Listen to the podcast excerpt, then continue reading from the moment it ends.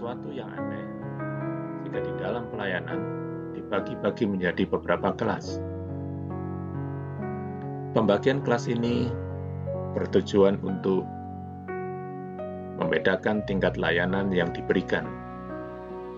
Secara umum, pembedaan kelas layanan ini ditujukan dengan pengenaan harga yang berbeda dan fasilitas yang diperolehnya.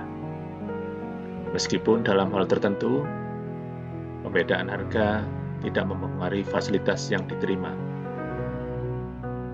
Berikut ini akan diberikan beberapa contoh kasus kelas layanan yang berlaku di kereta api dan maskapai penerbangan yang dapat menjadi bahan diskusi dan contoh untuk melayani.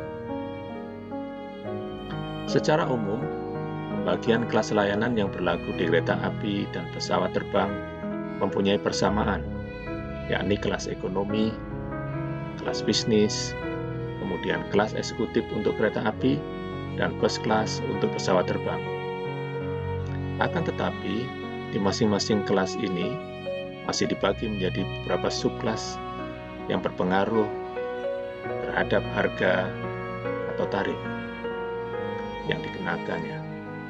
Selanjutnya, mari kita bahas perbedaan kelas dan subkelas, baik di kereta api maupun pesawat terbang.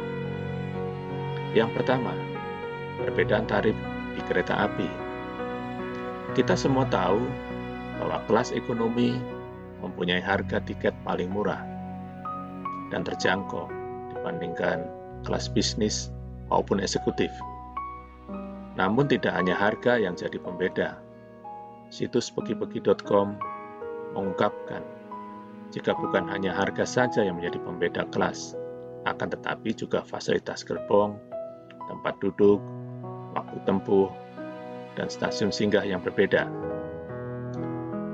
Harga yang menjadi pembeda kelas dalam kereta api rupanya masih dibedakan menjadi beberapa subkelas.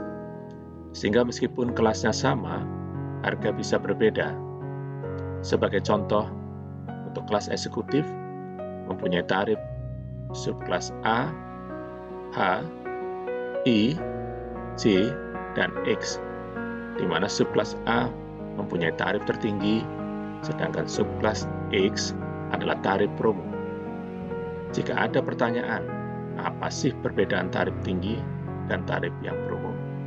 Jawabannya, tarif yang murah, lokasi tempat duduknya biasanya mendapat kursi di depan sekali atau di belakang sekali, di mana lokasi ini adalah yang tidak nyaman karena dekat toilet, suara berisik, dan getaran terasa karena lokasinya di atas roda. Selanjutnya kita bahas perbedaan kelas di pesawat terbang. Di dalam pesawat terbang, kelas dibagi menjadi kelas ekonomi, bisnis, dan first class.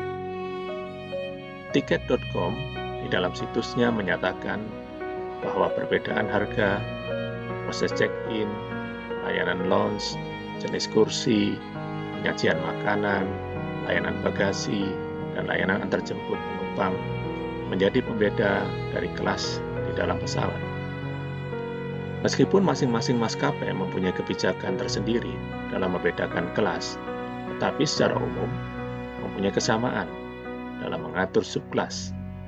Sebagai contoh, untuk kelas tarif Y atau Yankee mempunyai harga tertinggi yang mempunyai fleksibilitas tinggi seperti bisa di reschedule sedangkan tarif promo seperti V mempunyai harga yang murah tetapi mudah hangus dan tidak bisa digunakan.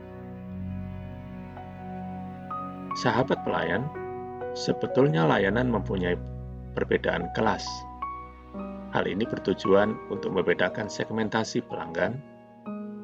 Namun, hal ini tentu perlu dicatat. Perbedaan kelas tidak bisa diterapkan pada lembaga pelayanan yang menerapkan keseragaman, seperti sekolah, tempat ibadah, atau tempat yang lain. Demikian beberapa contoh pembedaan kelas yang diterapkan di kereta api dan pesawat terbang. Kita akan berjumpa pada catatan pelayanan berikutnya. Ayo melayani.